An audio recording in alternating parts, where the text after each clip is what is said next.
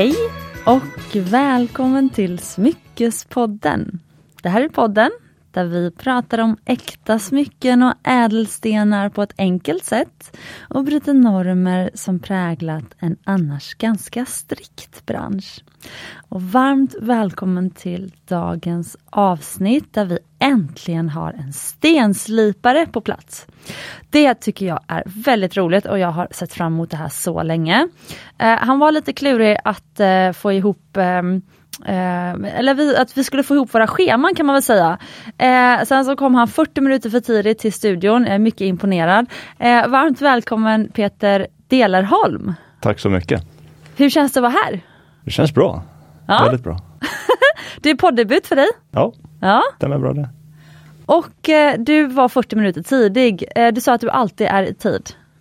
Det stämmer. Det är bättre att eh, komma i tid och se över sina saker och landa lite.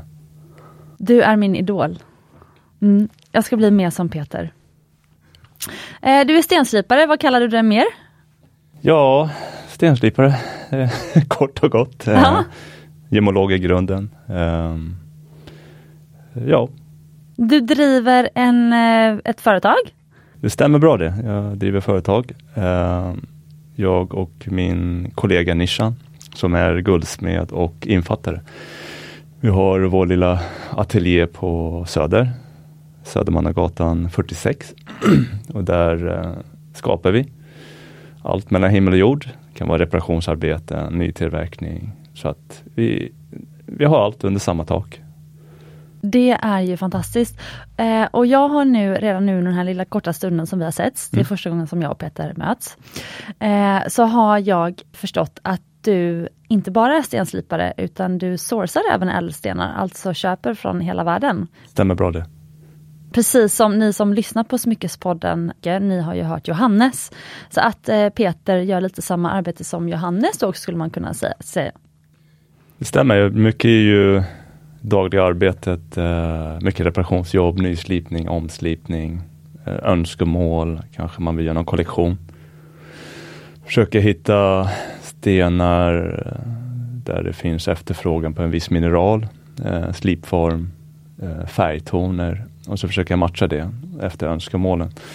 Eh, och det kan ju finnas olika kanaler att köpa från. Eh, ja, så att eh, Reser du också mycket eller kan man göra det mest online nu? Resa kan jag göra beroende på eh, om den efterfrågan kommer, det vill säga man har hittat eh, en källa som tar fram stenar och mm. man vill fördjupa lite mer samarbete. Då kan jag ta mig dit, kan se vilka kvaliteter det finns, vad det finns för eh, möjligheter. Um, ja, den vägen och sen är det ju deras eh, eh, jobb att ta fram och mitt jobb är då att slipa och sköta de andra bitarna. Så spännande. Och även där tycker jag också att du är ett föredöme för att eh, det som faktiskt eh, jag och Fanny på Mumbai Stockholm, eh, vi vill ju träffa alla nya leverantörer som vi tar in. Och vi har väldigt få leverantörer just eftersom att det är ju, alltså man vill kunna vara säker på hela processen bakom. Sen är man ju aldrig riktigt det ändå, förrän man har varit på plats. Men just det här att vilja liksom lära känna de man arbetar med på djupet, det tycker jag alla borde göra. Ja, det är väldigt viktigt att veta att eh, därför man köper sina stenar eller mineraler, att det går till rätt sak. Att det gynnar folk lokalt, mm. markägare lokalt, så att det, det är inte stora gruvbolag som eh, gräver upp andras marker och mm -hmm. tjänar pengar. Utan eh, det är familjer och individer som försöker eh, göra rätt för sig. Håller du med om det Johannes har sagt i podden att inom färgstenar nu sitter vi, jag ska säga det, här mm. framför oss i studion så har vi underbara färgstenar, både lösa och infattade i smycken som eh, Peter och hans kollega har gjort. Eh, men håller du med om det att just inom färgstenar så är det mer entreprenöriellt, alltså just att det ofta är småföretagare och familjeföretag som i de här länderna som, som eh, tar fram stenarna? Det stämmer. Ja.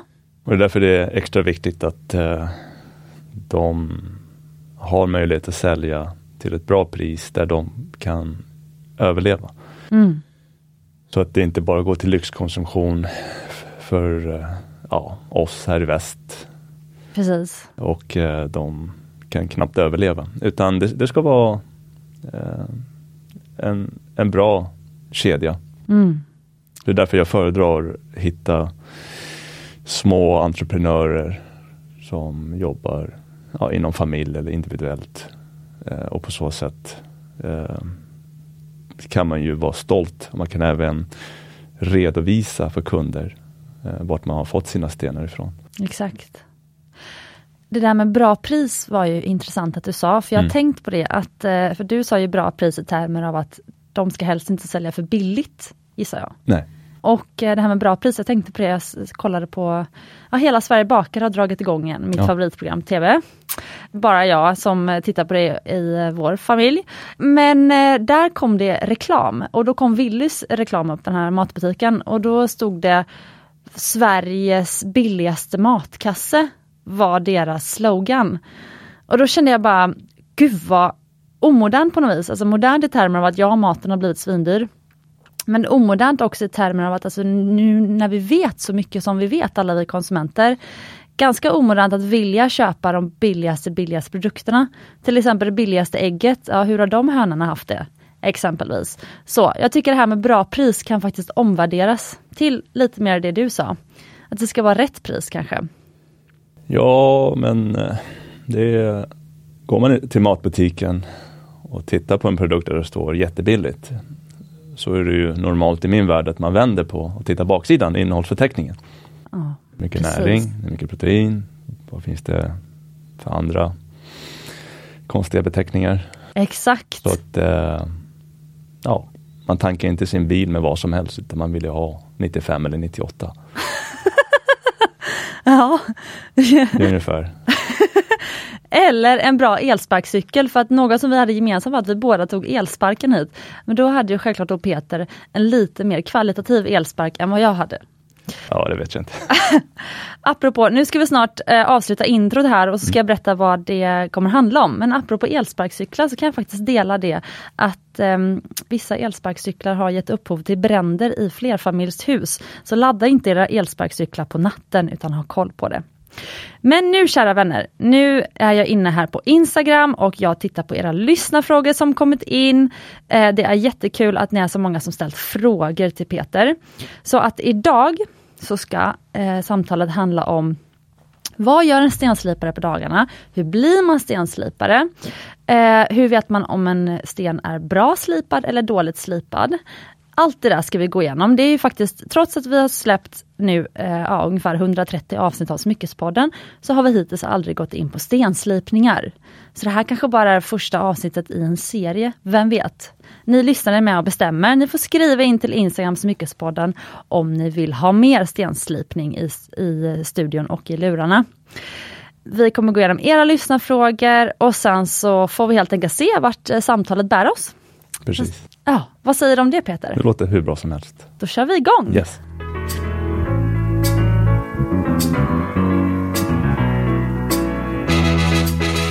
Okej, Peter. Nu är jag väldigt nyfiken och säkert många med mig. Vad är din bakgrund? Ja, eh, jag började kort och gott med min utbildning inom gemologi 2007. 2005, 2006 där hittade jag en kväll, eh, var lite intresserad av stenfattning. Och eh, då hittade jag en utbildning där de hade stenfattning som en del av kursen, en tvåårig utbildning. Och den utbildningen hette ädelstensteknik via Luleå tekniska universitet. Och de hade då ett samarbete med Kristallen i Lannavaara. Så Kristallen tillhandahöll utbildningarna, så två års tid eh, var jag där, fram och tillbaks. Stockholm, Lannavaara.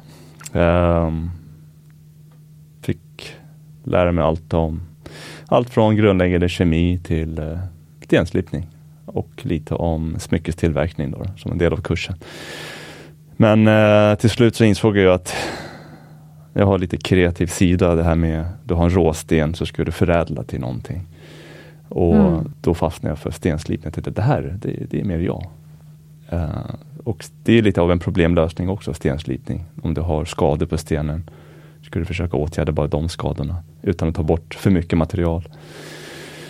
Uh, så den eh, 2007 till 2009 och sen uh, samtidigt så tog jag uh, mina certifieringar via GMA London som gemolog. Så um, därefter så tog jag, när jag gick där uppe, certifiering för att gradera eh, slipade diamanter. Färg och klarhetsgradering via GMA också. Så hade jag ett litet uppehåll, så 2012 till 14 hoppade på stenslipningen på heltid. Och började jobba som stenslipare. Då gick jag min utbildning och 2015 startade jag mitt företag. Mm. Är allt det här i Norrland? För att jag har inte Mm. hört om någon Det stämmer bra. Ja, för visst finns det ingen stenslipningsutbildning alltså söder om Norrland? Jo, hos mig. Jaha, okej. Jag brukar eh, lägga ut på Instagram och sådär att när jag håller kurser lite kortare. Och det finns ju förfrågan. Och har jag hållit några kurser där jag, eh, man har tre eller fyra dagar. Man får lä- lära sig grundläggande facilitering. Ehm, sen nu nästa år har jag då en vecka inbokat med en tjej från Frankrike Mhm. som eh, går en utbildning som urmakare och fick då välja något. Och då skrev hon till mig och ville prova en vecka med stenslipning. Så då la jag upp ett litet schema för henne. Så du körde en privatutbildning för henne? Ja, Gud vad häftigt. Det här blev jag taggad på. Eh, men beskriv, vad kan man lära sig om jag skulle anmäla mig till en stenslipningskurs hos dig? På, är det vid Nytorget på Söder? Ja men precis. Eh, man går igenom det grundläggande. Det allra viktigaste det är ju att hantera en lupp. Mm. Konsten att se. Nu verkar det som att Peter tar upp en lupp Ja. i fickan här. Här har vi min bästa vän. En lupp med 10 gångers förstoring. Och då har alltså Peter en lupp som nyckel... eh, Nyckelring med en Mm. liten LED-lampa som hjälper till när man ska titta. Smart! Okej, ska du nu lära mig hur man kollar i lupp? Eh, ja, vad man gör är ju att eh, de flesta har ju en, eh, ett öga som är mer dominant än det andra. Mhm. Så att eh, hos mig är det ju då höger öga. Så då brukar jag hålla Nu filmar jag här, jag får lägga ut på Instagram. Mm. luppen, väldigt enkelt. Sen har jag tummen här, så jag lägger den mot näsan. Tittar som vanligt, båda ögonen öppna. Sen håller jag upp andra tummen och sen flyttar jag närmare tills jag har fokus. Sen Mm. slappnar jag av i axlar, inte, inget åker upp, inte kisar utan bara avslappnat. kan du sitta och titta här 20 minuter på en sten till exempel utan att känna att du får huvudvärk. Just det. Eh, så lite yoga och lite hantering här. Det här är ju spännande för det Peter gjorde det var så att han la du satt, för det, jag märker ändå det när vi har eh, kunder i showroomet som tittar på, ska titta på stenar. Mm. Då sätter de luppen nära objektet. Mm. Men du sätter ju istället luppen nära ögat och sen flyttar du objektet nära Precis. Då ögat blir det ju istället. att du får bättre, mycket bättre överblick. Du ser allt. Men ju längre ifrån du håller luppen, du, du ser ingenting. Du får Nej. en viss förstoring på någonting. Men det, det, det är lupphantering och de flesta människor får en bra luppvana efter 5-10 minuter när man går igenom de här grundläggande principerna hur man hanterar luppen. Så det är det första steget eh, när man kommer för en stenslipningskurs. Mm. Och sen, steg två? Steg två är att man går igenom maskinen. Eh, det jag har framför mig här till exempel, det är ju Vi får Ett- filma lite till här. precis facetthuvud. Och det här facetthuvudet är ju verktyget man, man brukar sätta fast stenen här i en doppsticka. Och sen sätter man den så här. Jag tycker det ser ut som något som optiker använder. Det här. Och sen skruvar man fast eh, själva doppstickan med stenen. Och det man har här är ju graderna Mhm. Här har du olika index, hur, vilket håll eh, man vill eh, föra stenen för slipa. Ehm, kort och gott kan man säga att man följer ett diagram, slipschema och på det schemat om det är runt eller fyrkantigt har du olika vinklar Mhm. där du vill slipa för att maximera hur ljuset går in i stenen och kommer upp genom kronan, alltså ovansidan på stenen. När du tittar på stenen, det första du ska se är hur mycket briljans, hur mycket ljus, hur mycket den lever. Det är första steget att se att om en sten är bra slipad. Mm. Så det man gör är ju tänka på att ha bra vinklar, proportioner, symmetri och bra polerade ytor. Men det här eh, schemat, Mm. eh, jag tänker att olika kristaller måste ju se, det kan ju inte finnas en kristall som är den andra lik. Nej, Så hur, eh, hur byggs schemat upp? Schemat är ju då anpassat efter olika mineraler, vilka till exempel kvarts, vad den har för till exempel brytningsindex, hur mycket ljus, hur ska man säga det? Eh, brytningsindex för eh, kvarts, eh, beryl, safir, har du olika värden. Då har vi scheman som är anpassade för att inte krångla till det för mycket nu. Så hur ljuset faller in i stenen och eh, studsar tillbaka. Då har man ju optimerat det schemat så att eh, paviljongen, alltså undersidan har ju eh, x antal vinklar ovansidan och på så sätt får du ut så mycket färg, ljus och liv tillbaka när du håller stenen eh, under en lampa, dagsljus utomhus. Mm. Så, Så- det inte bara ser ut som en glasbit.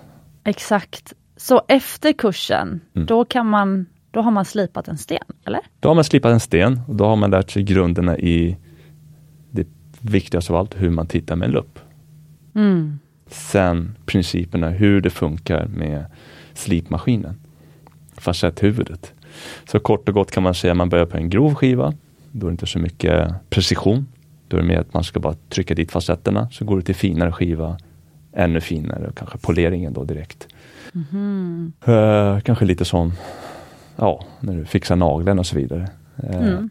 Faktiskt. ja, det, det är tre, fyra steg där också. Eller även, jag tänker på faktiskt när man går som lärling hos en guldsmed, det är mycket sli, eh, slipa filar där. Ja, precis. Men vad tycker du skiljer en dålig sten, eh, stenslipare från en bra? Eh, jag skulle inte säga dålig, utan jag skulle väl säga eh, att man har öga för deta- eh, detaljer och skynda långsamt. Eh, hastighet är inte alltid till din fördel som stenslipare.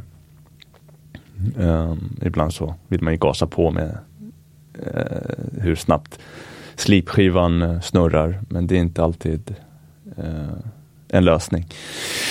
Utan eh, det är väl med att man skyndar långsamt, att man tar tid på sig och använder luppen väldigt noggrant och rengör stenen efter varje gång man ska inspektera. Mhm. Och på så sätt ser man ju om man har fortfarande lite polerlinjer eller små repor.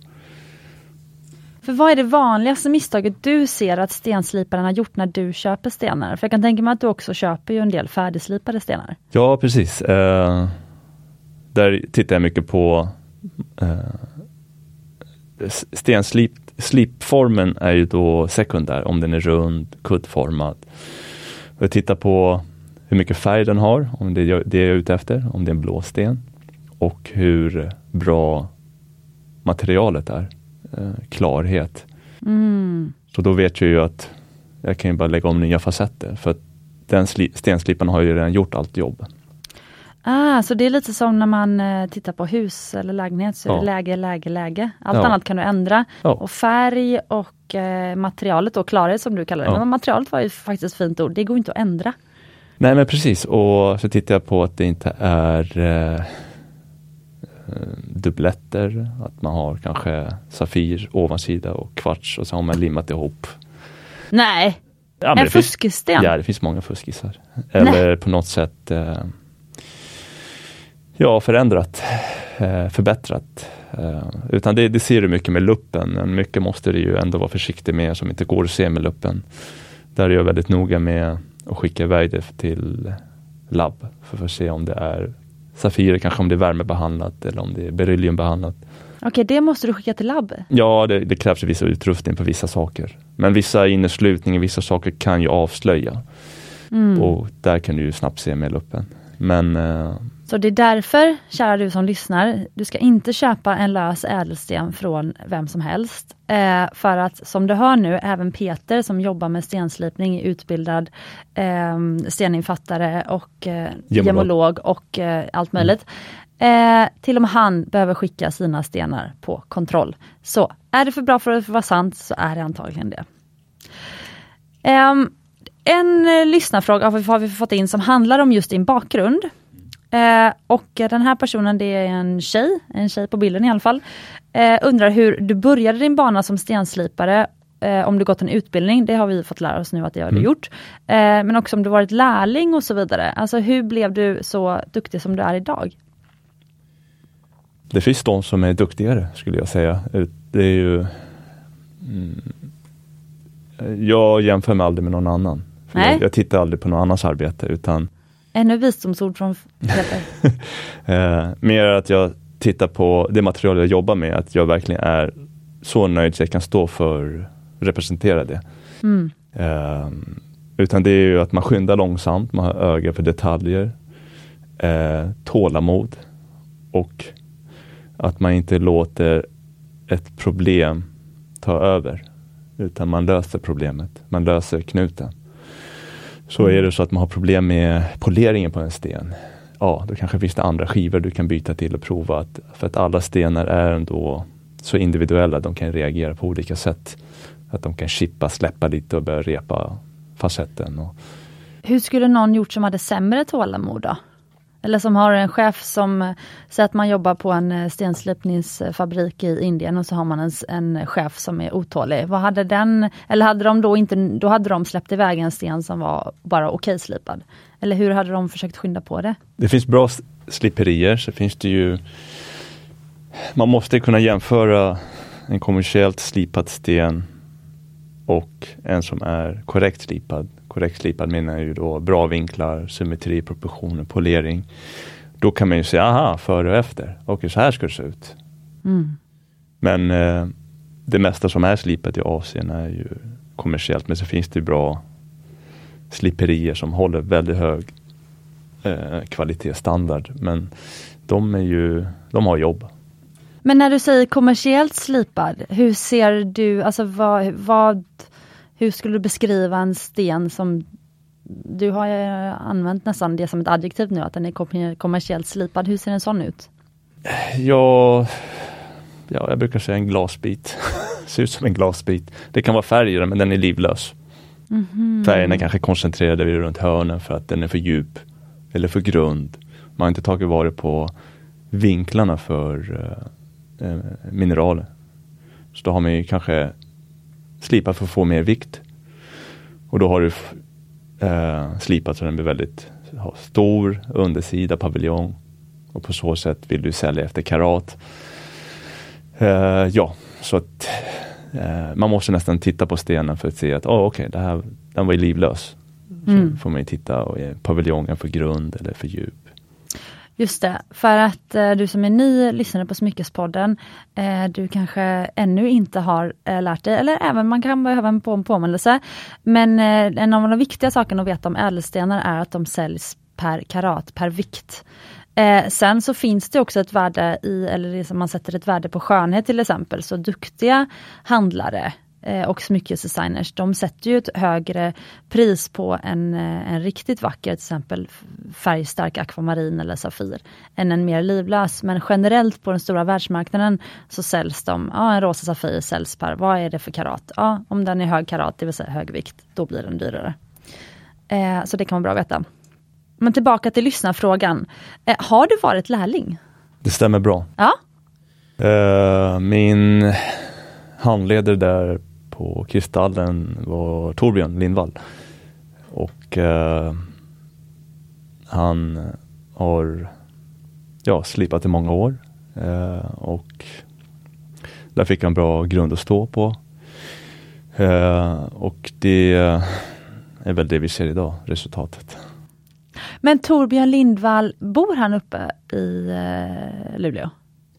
Eh, nu bor han i Luleå, innan bodde han... Ja, i Lannavaara? Ja, precis. Hade han en smedja där? Han var anställd, han eh, hade hand om gemologiutbildningarna, stenslipningskurserna och så vidare. Mm. Hur gick sen resan att eh, från där till att starta eh, din butik? 2015 registrerade jag mitt företag eh, och började erbjuda lite tjänster smått, men då jobbade jag hemifrån. Eh, och sen 2020 insåg jag att nej, jag måste ju ha ett utrymme att ha, ha kunder. Och då hyrde jag in mig eh, hos en verkstad på Söder. Och därifrån kunde jag då ja, jobba, ta emot kunder eh, och på så sätt sköta den biten eh, mycket lättare genom att kunna hålla dialog med kunderna men sen kunna snabbt då avsluta affären och fortsätta med mitt hantverk. Mm. Um, annars så skickar jag med posten och så ska jag hämta och sen titta hemma och sen återkoppla. Mm. Så att, uh, uh, ja, sen den uh, resan gick då åt min nuvarande kollega Nishan Bakaljan. Också hyrde in sig där. Jaha, så ni träffades där? ja, vi träffades där och det gick faktiskt ganska bra, smärtfritt. Jag började fråga honom om han kunde då göra lite jobb åt mig för kunder och så vidare. Det kan vara som sagt min, det jag har som lite nisch är att eh, ta hand om det du har. Det vill mm. säga om du har en ring med en ädelsten som är sliten eller stenen eller smycket är sliten, slitna klor. Då kan vi ge dig en, eh, en helhetslösning. Att fräscha upp stenen, fixa till smycket, polera upp Sen har du ju en ny sten, en ny ring, en ny, ett nytt smycke. Och det här älskar jag och jag vet ju att många lyssnare har smycken hemma och man köper smycken på auktion mm. och framförallt kanske man letar mycket smycken second hand. Eh, och det vi älskar med just äkta smycken är ju just att de har det här materialet som gör att de, de det blir aldrig värdelöst. Det är alltid värdefullt. Och att man kan arbeta upp om det. Men jag tänkte att jag skulle ta med mig, eh, jag har ju lite slitna ädelstensringar nu som jag ändå samlat på mig. Men jag glömde det så otroligt störigt. Men som tur är har jag på mig lite. Men nu har ju inte de här hunnit bli så slitna än. Nu tar jag av mig en femstensring med gula safirer. Det är en angelring med gula safirer, ni som vill eh, googla. Eh, och sen så har jag även en klusterring med en plommonfärgad safir, eh, gråa salt och peppardiamanter och diamanter. Och när de här sen blir slitna, nu tittar Peter här och han kanske kommer säga att de redan är slitna. Vad säger du Peter? De ser fantastiska ut.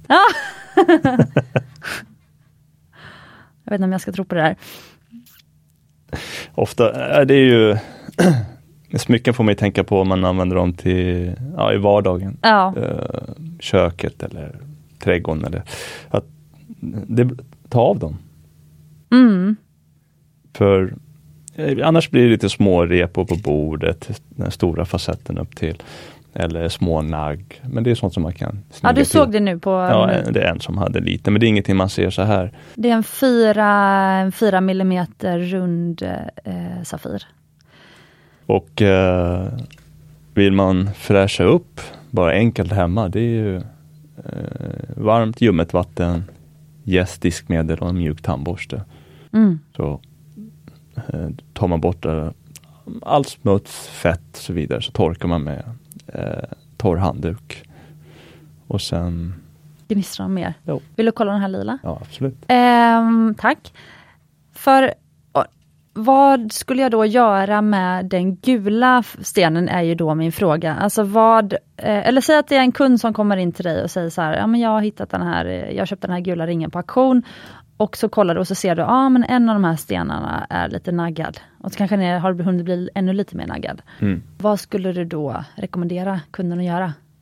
Uh, jag brukar först titta igenom vad som är möjligt. Uh, men jag får mycket sånt också att folk köper sina smycken, sen kommer de till mig.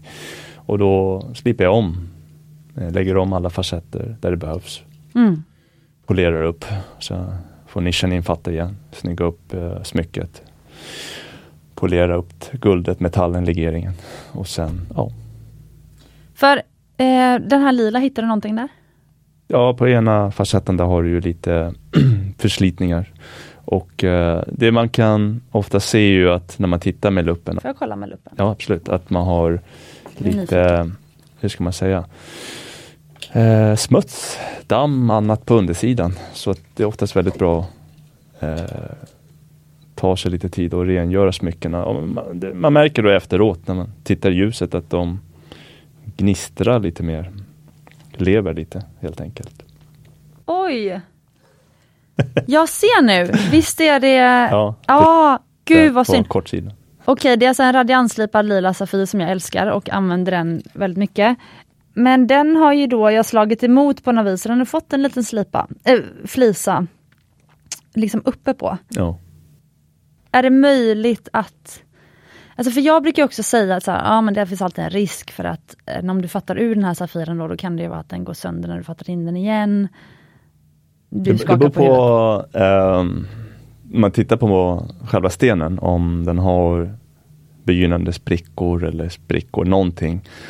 Ofta så brukar jag säga det, om, jag, om vi tar ut den här så är det risk att det kan gå sönder, men då är det upp till kunden att bestämma. Annars brukar jag säga, vet du vad, det är bättre att låta den vara. För att går den sönder så, ja, går den sönder. Och Men vad skulle du, för att jag måste bara få svar på en fråga först. Går det att, att slipa om stenen eller polera upp stenen? För Mm. polera då får man bort de yt- yttre reporna bara, va? Mm. då ser den som ny ut. ehm, Utan att fatta ur den. Nej, man måste fatta ur den. Ja, det måste man alltid det, göra. det är inga problem att fatta ur. Det är fyra klor i det här fallet som man böjer upp, tar ut stenen och sen Det jag brukar alltid göra är dokumentera. Eh, Mm. vikt före, på våg, ta kort, filma Mm. eh, på nära håll eh, så man kan se alla skador och så vidare. Men även efter samma procedur så att man kan påvisa att eh, ja, man har vi- jobbat på den. Ja, precis. Okej, det var ju jättebra. En följdfråga på det, och det är faktiskt en lyssnarfråga också som frågat hur Mm. sätts priset? Frågetecken. Jag vet inte riktigt vad hon menar, men jag antar att hon menar på själva liksom På arbetet. Alltså jag tror att hon menar på ädelstenar generellt, alltså för att en ädelsten blir ju en ädelsten i slipnings eh, ögonblicket. Eh, Mm. Precis. innan heter det, du kallar det bara mineral. Ja, det är ju en mineral. Så att jag Jag, kallar det för kristall. Ja, kristall, mineral. Det är, För, det är bara kemi. ja, så då antar jag att hon menar liksom hur sätts priset på hela eh, för bara på arbetet, säg att, att du skulle göra om den här, de här två ringarna då, eller, Mm. eller polera upp dem, då antar jag att eh, det skulle sättas på, på, på timpris. Ja, precis. Jag har ju min det timpris jag tar. Så om vi säger att om stenen tar 15 minuter så räknar jag på det. Ja. ett arbete. Sen kommer infattningskostnaden.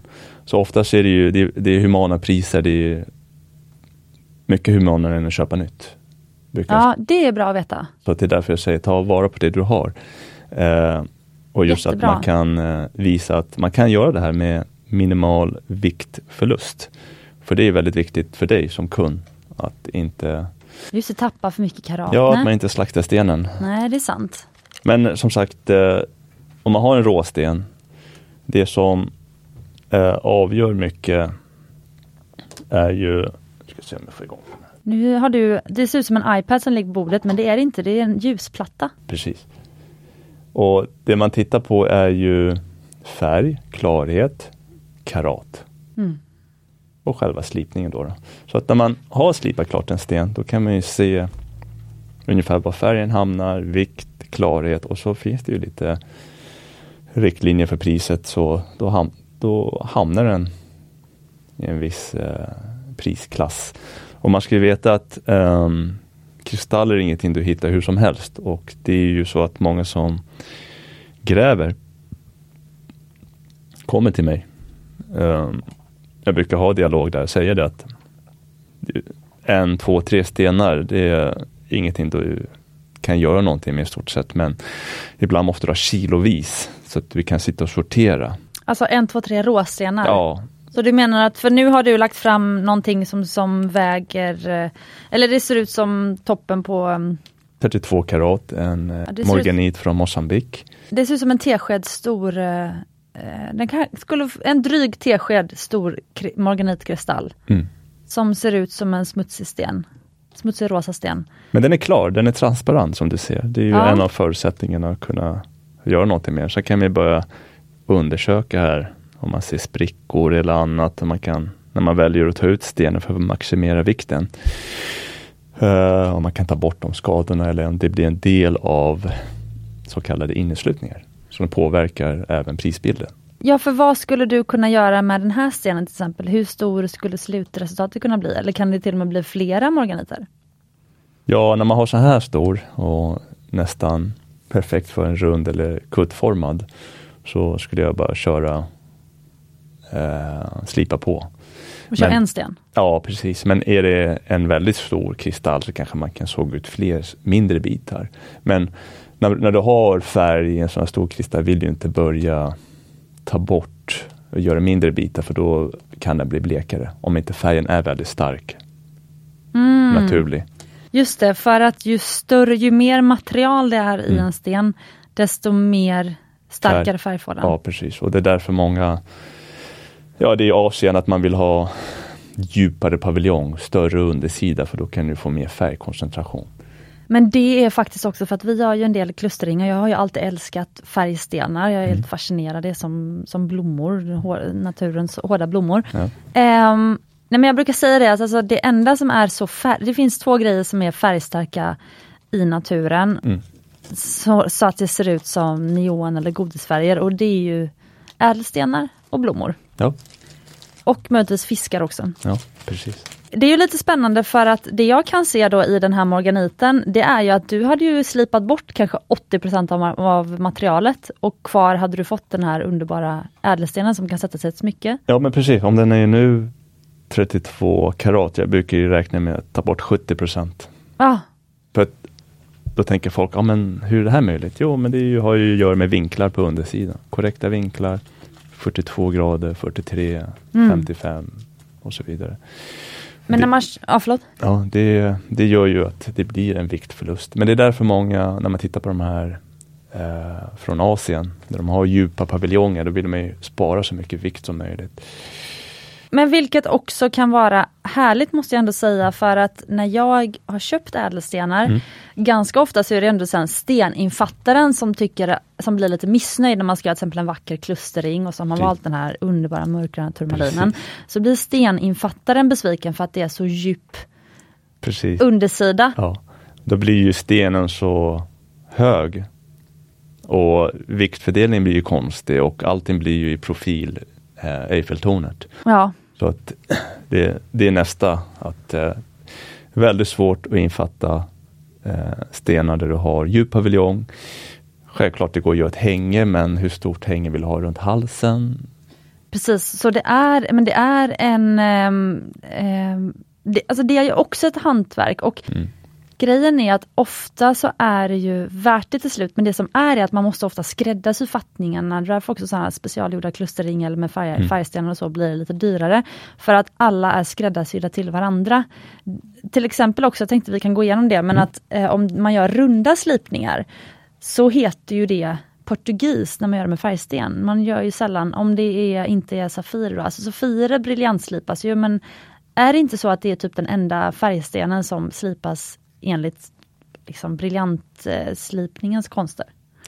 Portugisen har ju fördelat när man eh, du har så många facetter på undersidan i flera rader.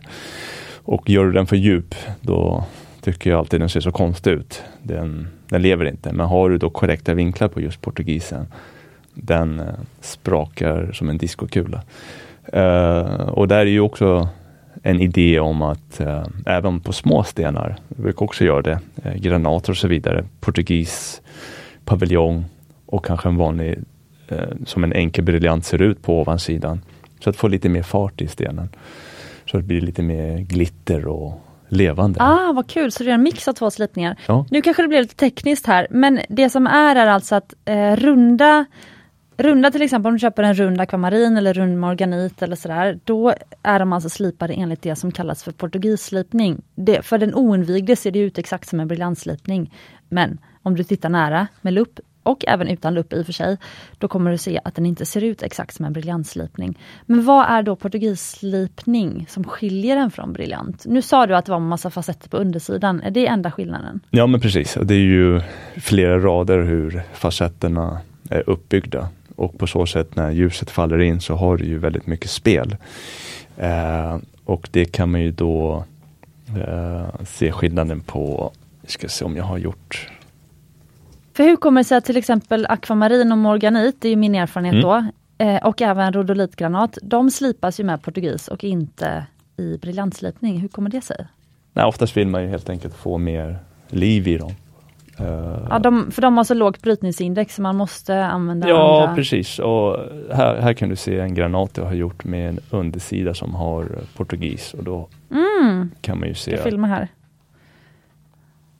Då att det gnistrar lite mer när, när ljuset slår. Liksom.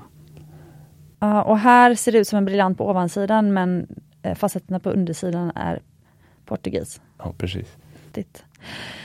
Okej, okay. då har vi fått en lyssnarfråga som är eh, Vilken är din favoritsten eller hat, hatsten? Har du någon sten som fler kunder borde upptäcka? Turmaliner är en favorit, turmalinfamiljen. Mm. Sen granatfamiljen Eh, är helt fantastiskt. Eh, mycket färger, får väldigt bra lyster på stenarna. Safirer också, akvamariner, zirkon. Eh, generellt stenar med mycket färg och att man kan få bra, bra liv i dem. Här har vi en, ett exempel på en turmalin. Mm. Eh, som, Jättestor rund turmalin. Yes, ska vi se. För du har ju även tagit med dig några förskräckligt fula smaragder, ja. tyck, tyckte jag. Ja. De kan ju inte vara kul för en stenslipare. Äh, bara man är försiktig så, eh, den har ju inneslutna, de där är inte oljade på något sätt för att dölja, eh, hur ska man säga, sprickorna. Det är vanligt att man oljar, behandlar med olja för att eh, dölja. Men då, så att, här kan du ju se en turmalin jag har slipat med väldigt många facetter på undersidan. Mm, de påminner om portugis och eh, beroende på vilket ljus du går i havstenen i så får du med en persikofärgad nyans eller en mer rosa ton. Ja okej, okay, det här var ju väldigt kul. Nu kan inte jag det tekniska i det här, mm. men eller det heter kanske fysiken eller kemin, men är du nämnde turmalin, safir, granat som favoritfärger. Mm. Favoritstenar, glömde jag någon mer? Eller glömde jag någon? Eh, ja, akvamarin. Jag gillar smaragder också, alltså det är svårt att ha, bara ha en favorit tyvärr.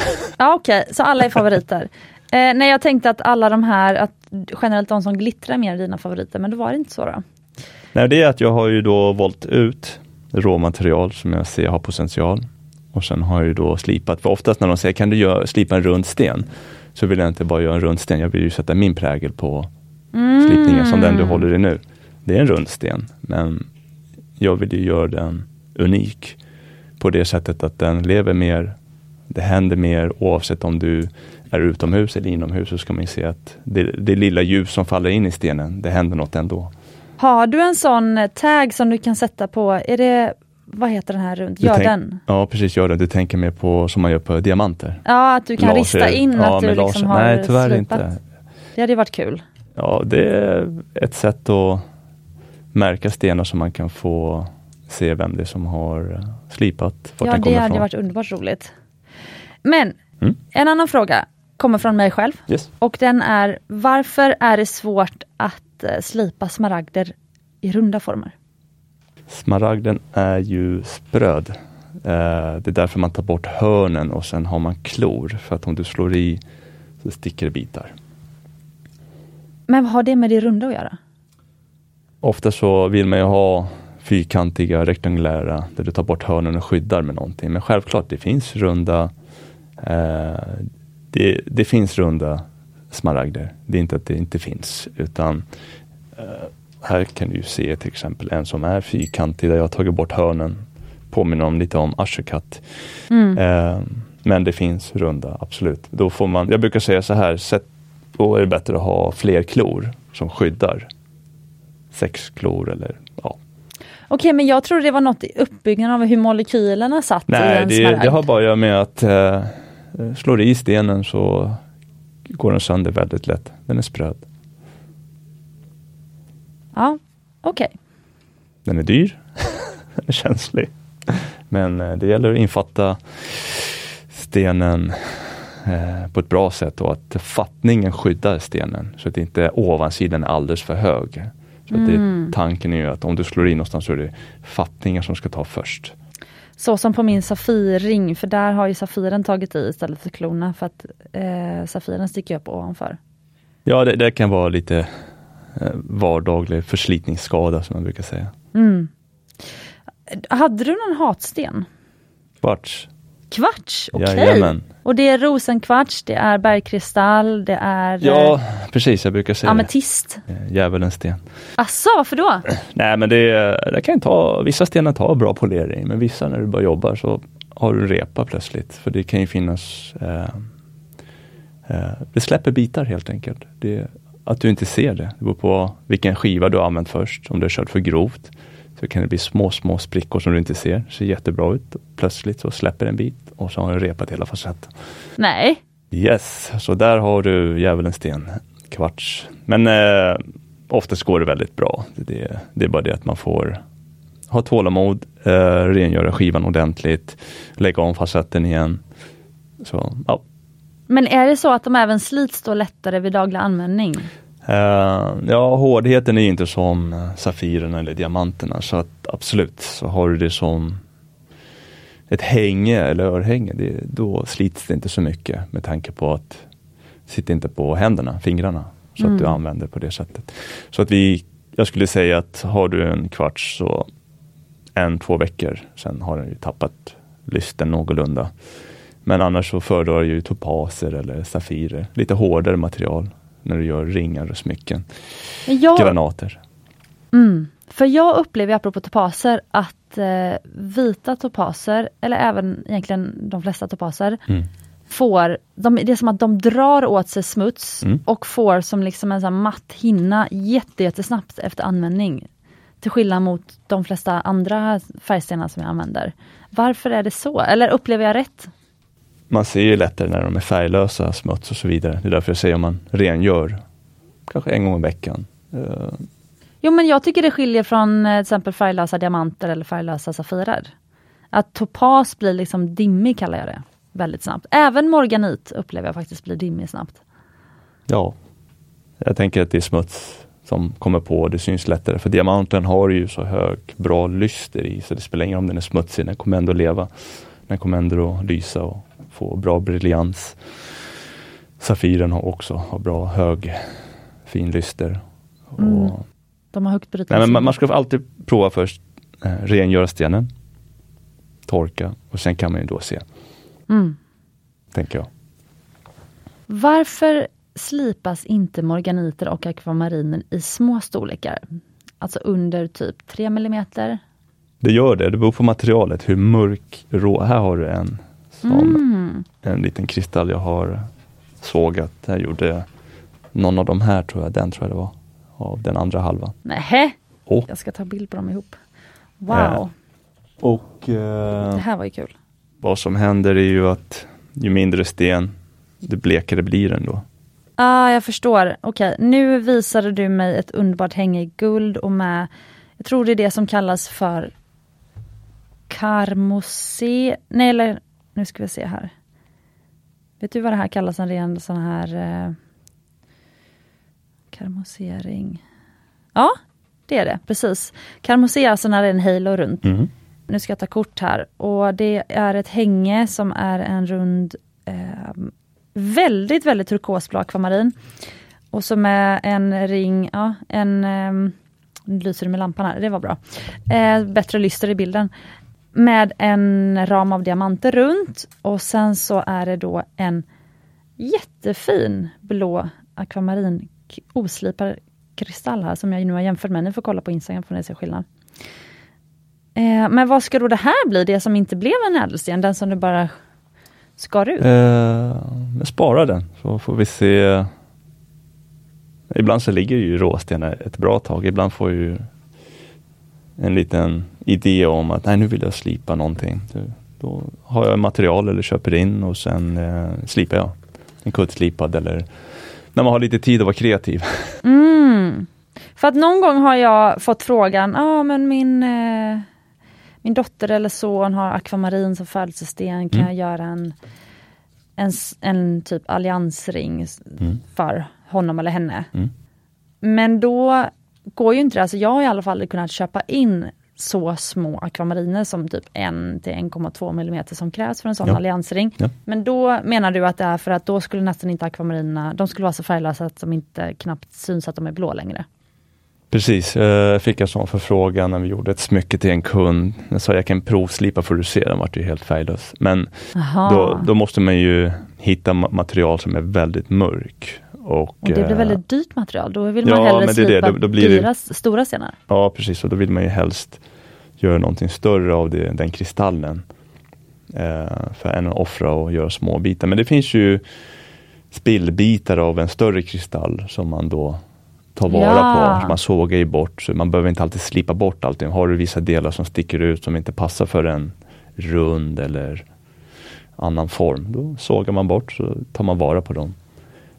Men vid vilken storlek på sten börjar man liksom maskinslipa? För jag kan inte tänka mig att du i din ateljé sitter och slipar en millimeters liksom safirer. Nej, oftast så finns ju de alltså, som är färdiga som säljs. Och, från typ Bangkok? Eller? Ja, från Asien. Och det, är, det är sådana kvantiteter så att det är ingen idé att sätta sig Det är bara att köpa in. Och.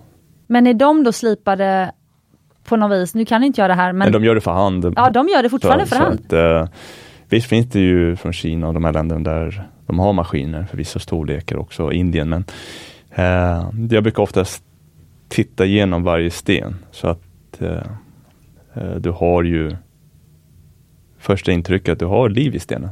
Mm. Det, det, och sen lägga upp dem på rad om jag vill använda som är jämna i färgen och i lyster, briljans allting. Så då det är inte alla stenar som är kalibrerade. Nej, och vill du ha kalibrerade stenar då ja, får du betala lite mer. Men du, du får verkligen vad du betalar för. Jag kan, kan intyga. Vilken slipning är svårast respektive lättast? En lyssnarfråga. Har stensliparen själv någon favorit? Uh, jag gillar kuttslipning.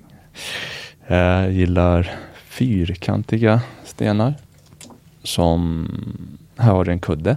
Mm. Uh, Också en blå va? Yes, akvamarin. akvamarin. Här kan man se den ena är från Mosambik, andra är från Kenya. Den mörkare är från Mosambik. Mm. Så därför oftast när jag köper in, jag, jag får lite idéer att nej, nu vill jag eh, göra den här slipningen. Så då kör jag på. Underbara. Varför är kudde din favorit? Påminner om en rund men du får ju eh, lite mer material kvar. Och du får ju lite annan, eh, ska man säga? Får du lysa med lampan så Absolut. jag filma här? Eh, lite mer det är hur slipningen påverkar stenen. Du, du får ju mer liv i stenen. Liksom. Du får ju mer av allt, eh, känner jag. Självklart, jag, har ju, jag gör ju, slipar ju runda stenar men jag lägger till fler facetter på under och ovansidan för att få... Eh... Underbart. Nu filmar jag här så ni får se. Kul att få se två olika typer av kuddslipningar också. Så du har ju två lite olika nyanser på de där. Så att... Nu vet inte vilken som låg i vilken. Det spelar ingen roll. Nej. Um, jag har fått en fråga om fancy cuts. Mm. Uh, vill du beskriva vad det är och vad du tycker om dem? Fancy cut kan ju vara uh, någonting som inte är enligt standard, alltså bara någonting som uh, har en udda form. Mm. Det är ju på tapeten nu, i alla fall bland de som skräddarsyr smycken, mm. att uh, man letar efter, och kanske även bland lite så här smyckesnördar, att man letar efter då något som är lite mer ovanligt. Men vad tycker du om det? Tycker du att det bara är ungefär som när bagerier ska försöka förnya semlan och så är ändå originalet godast. Eller, eller är det liksom, finns det någon, någon fancy katt som du verkligen gillar? Eller som du blev imponerad av? Jag gillar ju de här som är, som är, som är hur ska man säga, som en drake, kite. Mm. Man kan ju ha den det, det hållet eller ska man ha det åt andra hållet. Man kan ju kan lysa upp lite åt det.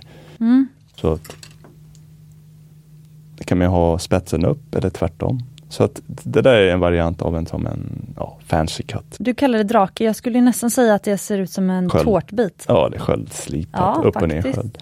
Men eh, Jättefin. jag brukar säga så här. Eh, kan du göra någonting bra av slipningen och det är inte det här standard så fantastiskt, kör. Det, det är inga konstigheter. Men är du själv, utvecklar du själv liksom specialslipningar? Nu kanske vi ska då definiera fancy cut. Alltså de flesta slipningar som vi pratat om hittills det är ju liksom eh, briljant, portugis, smaragdslipning, kudde och så vidare. Det har ju de här slipningsschemana som du pratar om. Ja. Men jag antar då att en fancy cut, då, bygg, då har man gjort, det är som att man har designat ett eget smycke, man har byggt sin egen slipningsschema. Ja precis, det kan ju vara lite förskjuten eller vad som helst. Att ibland har du ju till exempel råmaterial som är för platt eller någonting. Då, då gör du någonting av det för att maximera så mycket vikt som är kvar och ändå vara kreativ och göra någonting fint. Eh, personligen så tänker jag så här. Var kreativ. Eh, behöver inte följa alla normer liksom. Nej. Utan det är som smycken, var kreativ, skapa något som du tycker är unikt. Eh, och får du till det så öppnar du ögonen för fler att se ditt hantverk, se din kreativitet. Har du någon fancy cut som du gjort som du blev väldigt stolt över? Eh, Som du kan, eh, den behöver du inte ha med dig men som du gjorde, du kan ha gjort den för länge sedan också. ja, eh, man brukar komma ihåg sina barn men eh, Den här topasen är ju en variant på Fancy Cut där jag har gjort en trappa under, om man skulle säga det, följer inte de här normerna som det skulle vara, så har jag ju som en avlång kudd ovansida. Så att eh, ja, jag mixar saker och ting och ibland ytterformen kan ju bli som en sköld eller vad som helst. Det beror på själva råmaterialet men har jag råmaterial för att göra en rund eller kudde och maximera den vikten, då, då gör jag det. För Mm. att eh, få ut så mycket möjligt av stenen. Annars så ja, kör jag på det jag har liksom. Mm. Kollar jag på den här jättefina stenen, den var helt underbar. Och det här är en En topas? Ja, det är en topas, en färglös topas. Mm. För om du lägger den upp och ner, Den var ju tung, vad väger den här? eh, kolla vad jag har. En våg. Ja, jag ska bara sätta igång den där. Så, vi ska se vad den säger. Varsågod. är det här en sån som väger guld också?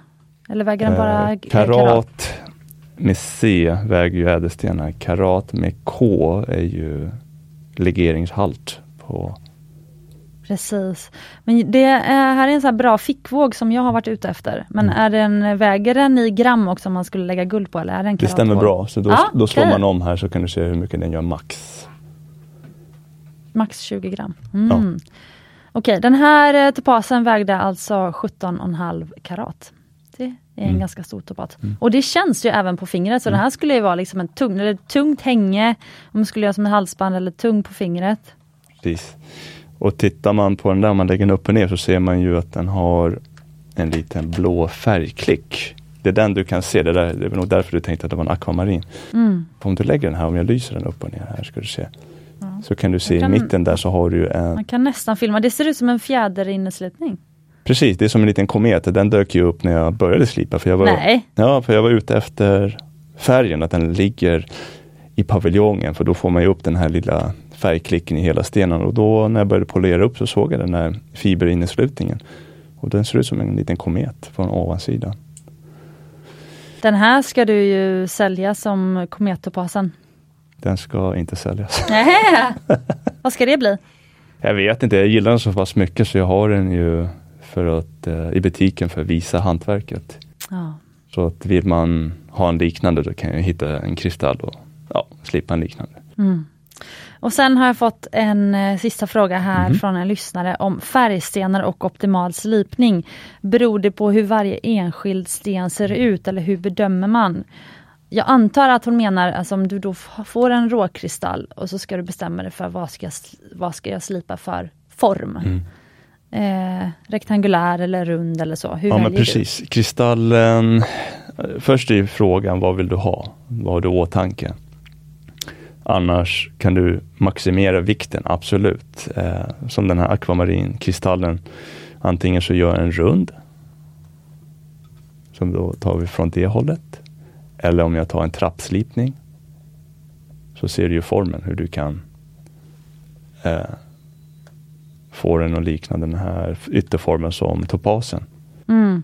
Eh, det- det är ju det som lite så här, vad vill du ha? Men annars så tittar man ju då färg, finns det några skador i stenen? Eh, är det topas? Vad, vad sitter spaltning? Så, så att inte stenen delar sig eller att man inte kan slipa där spaltningen går. Eh, och det är många faktorer som spelar roll, men vad vill du ha? Och då ser jag vad vi kan göra. För jag har ju en fördom att, för ofta kanske man inte har en kund bakom Mm. bakom när man ska slipa. Och så Nej. kan det även vara när man gör ett nytt smycke. Mm. Eh, och då är ju min lite så fördom att man då oftast bara slipar runt eller rektangulärt för att det säljer bäst. Precis. Är det så? runt, Äh. fyrkantig som den här kuddformade eller typ som ashercut. Eh, de, det är väldigt populärt för att många gillar ju den formen för då kan du ju, har du en ring så kan du ha sidostenar och Mm. Kanske inte många vill ha en rektangulär eller en rund. Det är smaksak Mm. som går in i en klädaffär. Precis. Men vad ser du för utmaningar inom din bransch, inom eh, som stenslipningsyrket just nu? Eh, jag försöker få ut våra tjänster, ta hand om det du har eh, först och främst. Men, men att folk hittar och förstår vad de kan göra, vad som finns. För att det är inte så många som slipar stenar och ehm, men Du menar att vi som har smycken hemma, alla vi...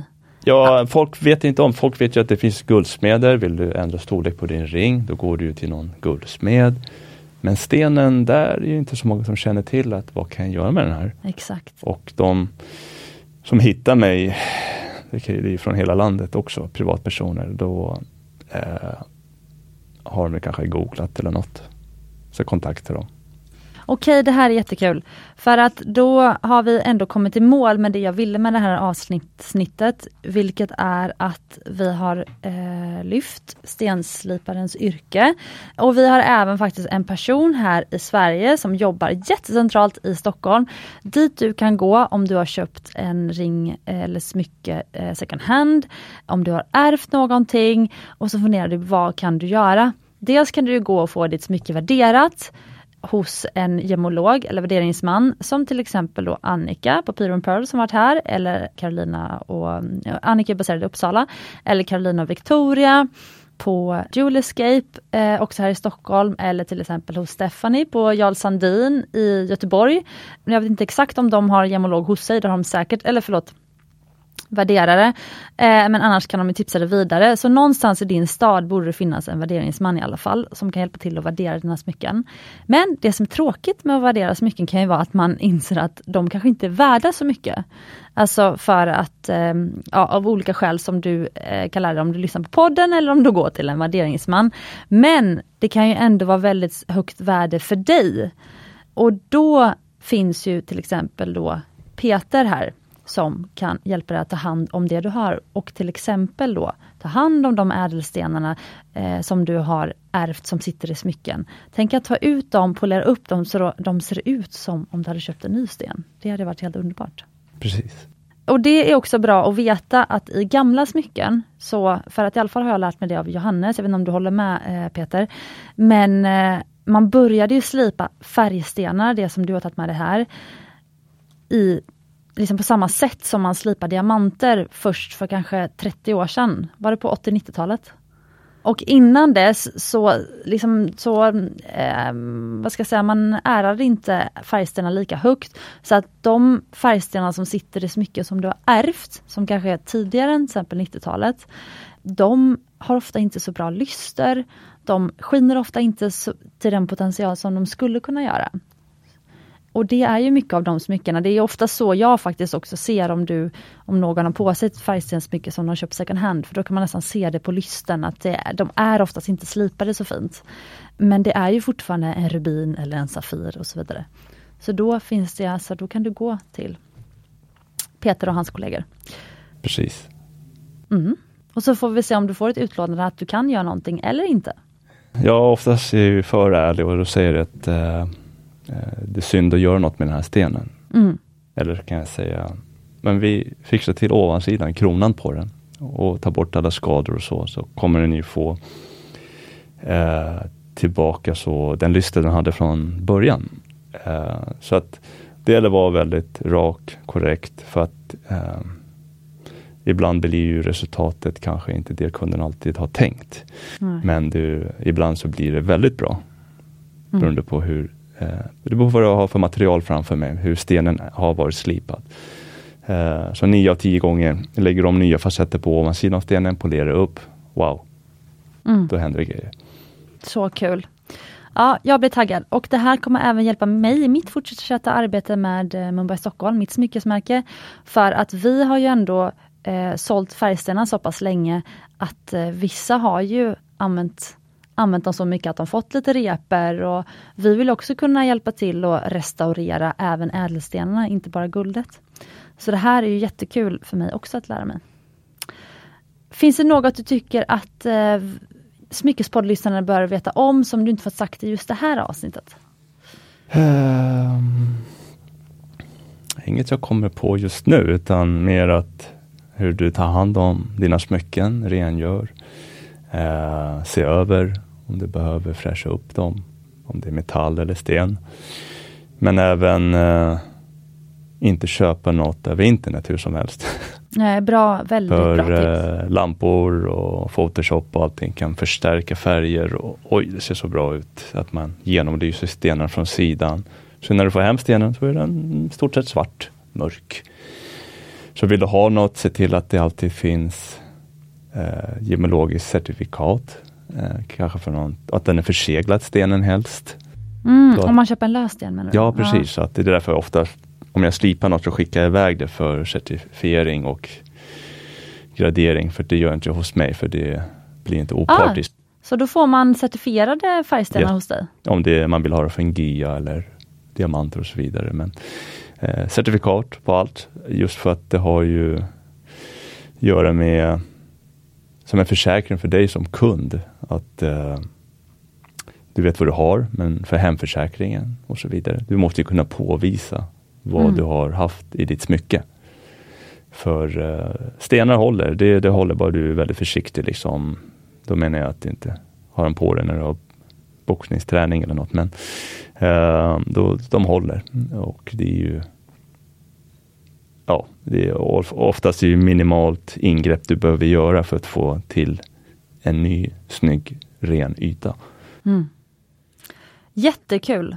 Väldigt mycket bra tips. Jag blir sugen på det där med att skicka iväg färgstenar på gradering också. Mm. De, det kommer öka priset ännu mer för slutkonsumenten, men på stora stenar så kan det verkligen vara värt det.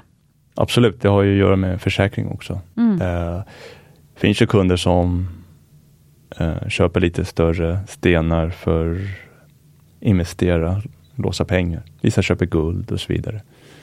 Vissa köper fastigheter och den marknaden ser vi idag. Eh, den kan ju falla. Eh, men ädelstenar, bra kvalitet, lite större, man brukar kalla det för investeringsstenar. Det, det håller och eh, en bra nivå och ofta så har du ju eh, en prisökning per år Mm. per procent, några procent och så vidare. Så att, ehm, och där måste du ha dokumentation hela vägen. Väldigt Jättebra. viktigt. Jättebra. Stort tack Peter för att du Tack. tog dig hit. Eh, dig kan man följa på Instagram också vet jag. Jajamän, Du heter väldigt eh, logiskt Ja, Stensliparen. stämmer bra. Stenslipare. Fantastiskt! Så följ Stensliparen på Instagram. Berätta gärna om Smyckespodden för dina vänner och bekanta om du tycker att Smyckespodden är bra så att eh, vår podd växer och vi kan fortsätta spela in. Och eh, som sagt, eh, häng med på Instagram när du lyssnar på det här avsnittet. Då får du bilder till rösterna. Tack så mycket för att du varit med oss idag och då återstår det bara för oss att eh, säga att du är värd äkta smycken och ädelstenar, kanske särskilt idag, Mm. färgstenar. Precis.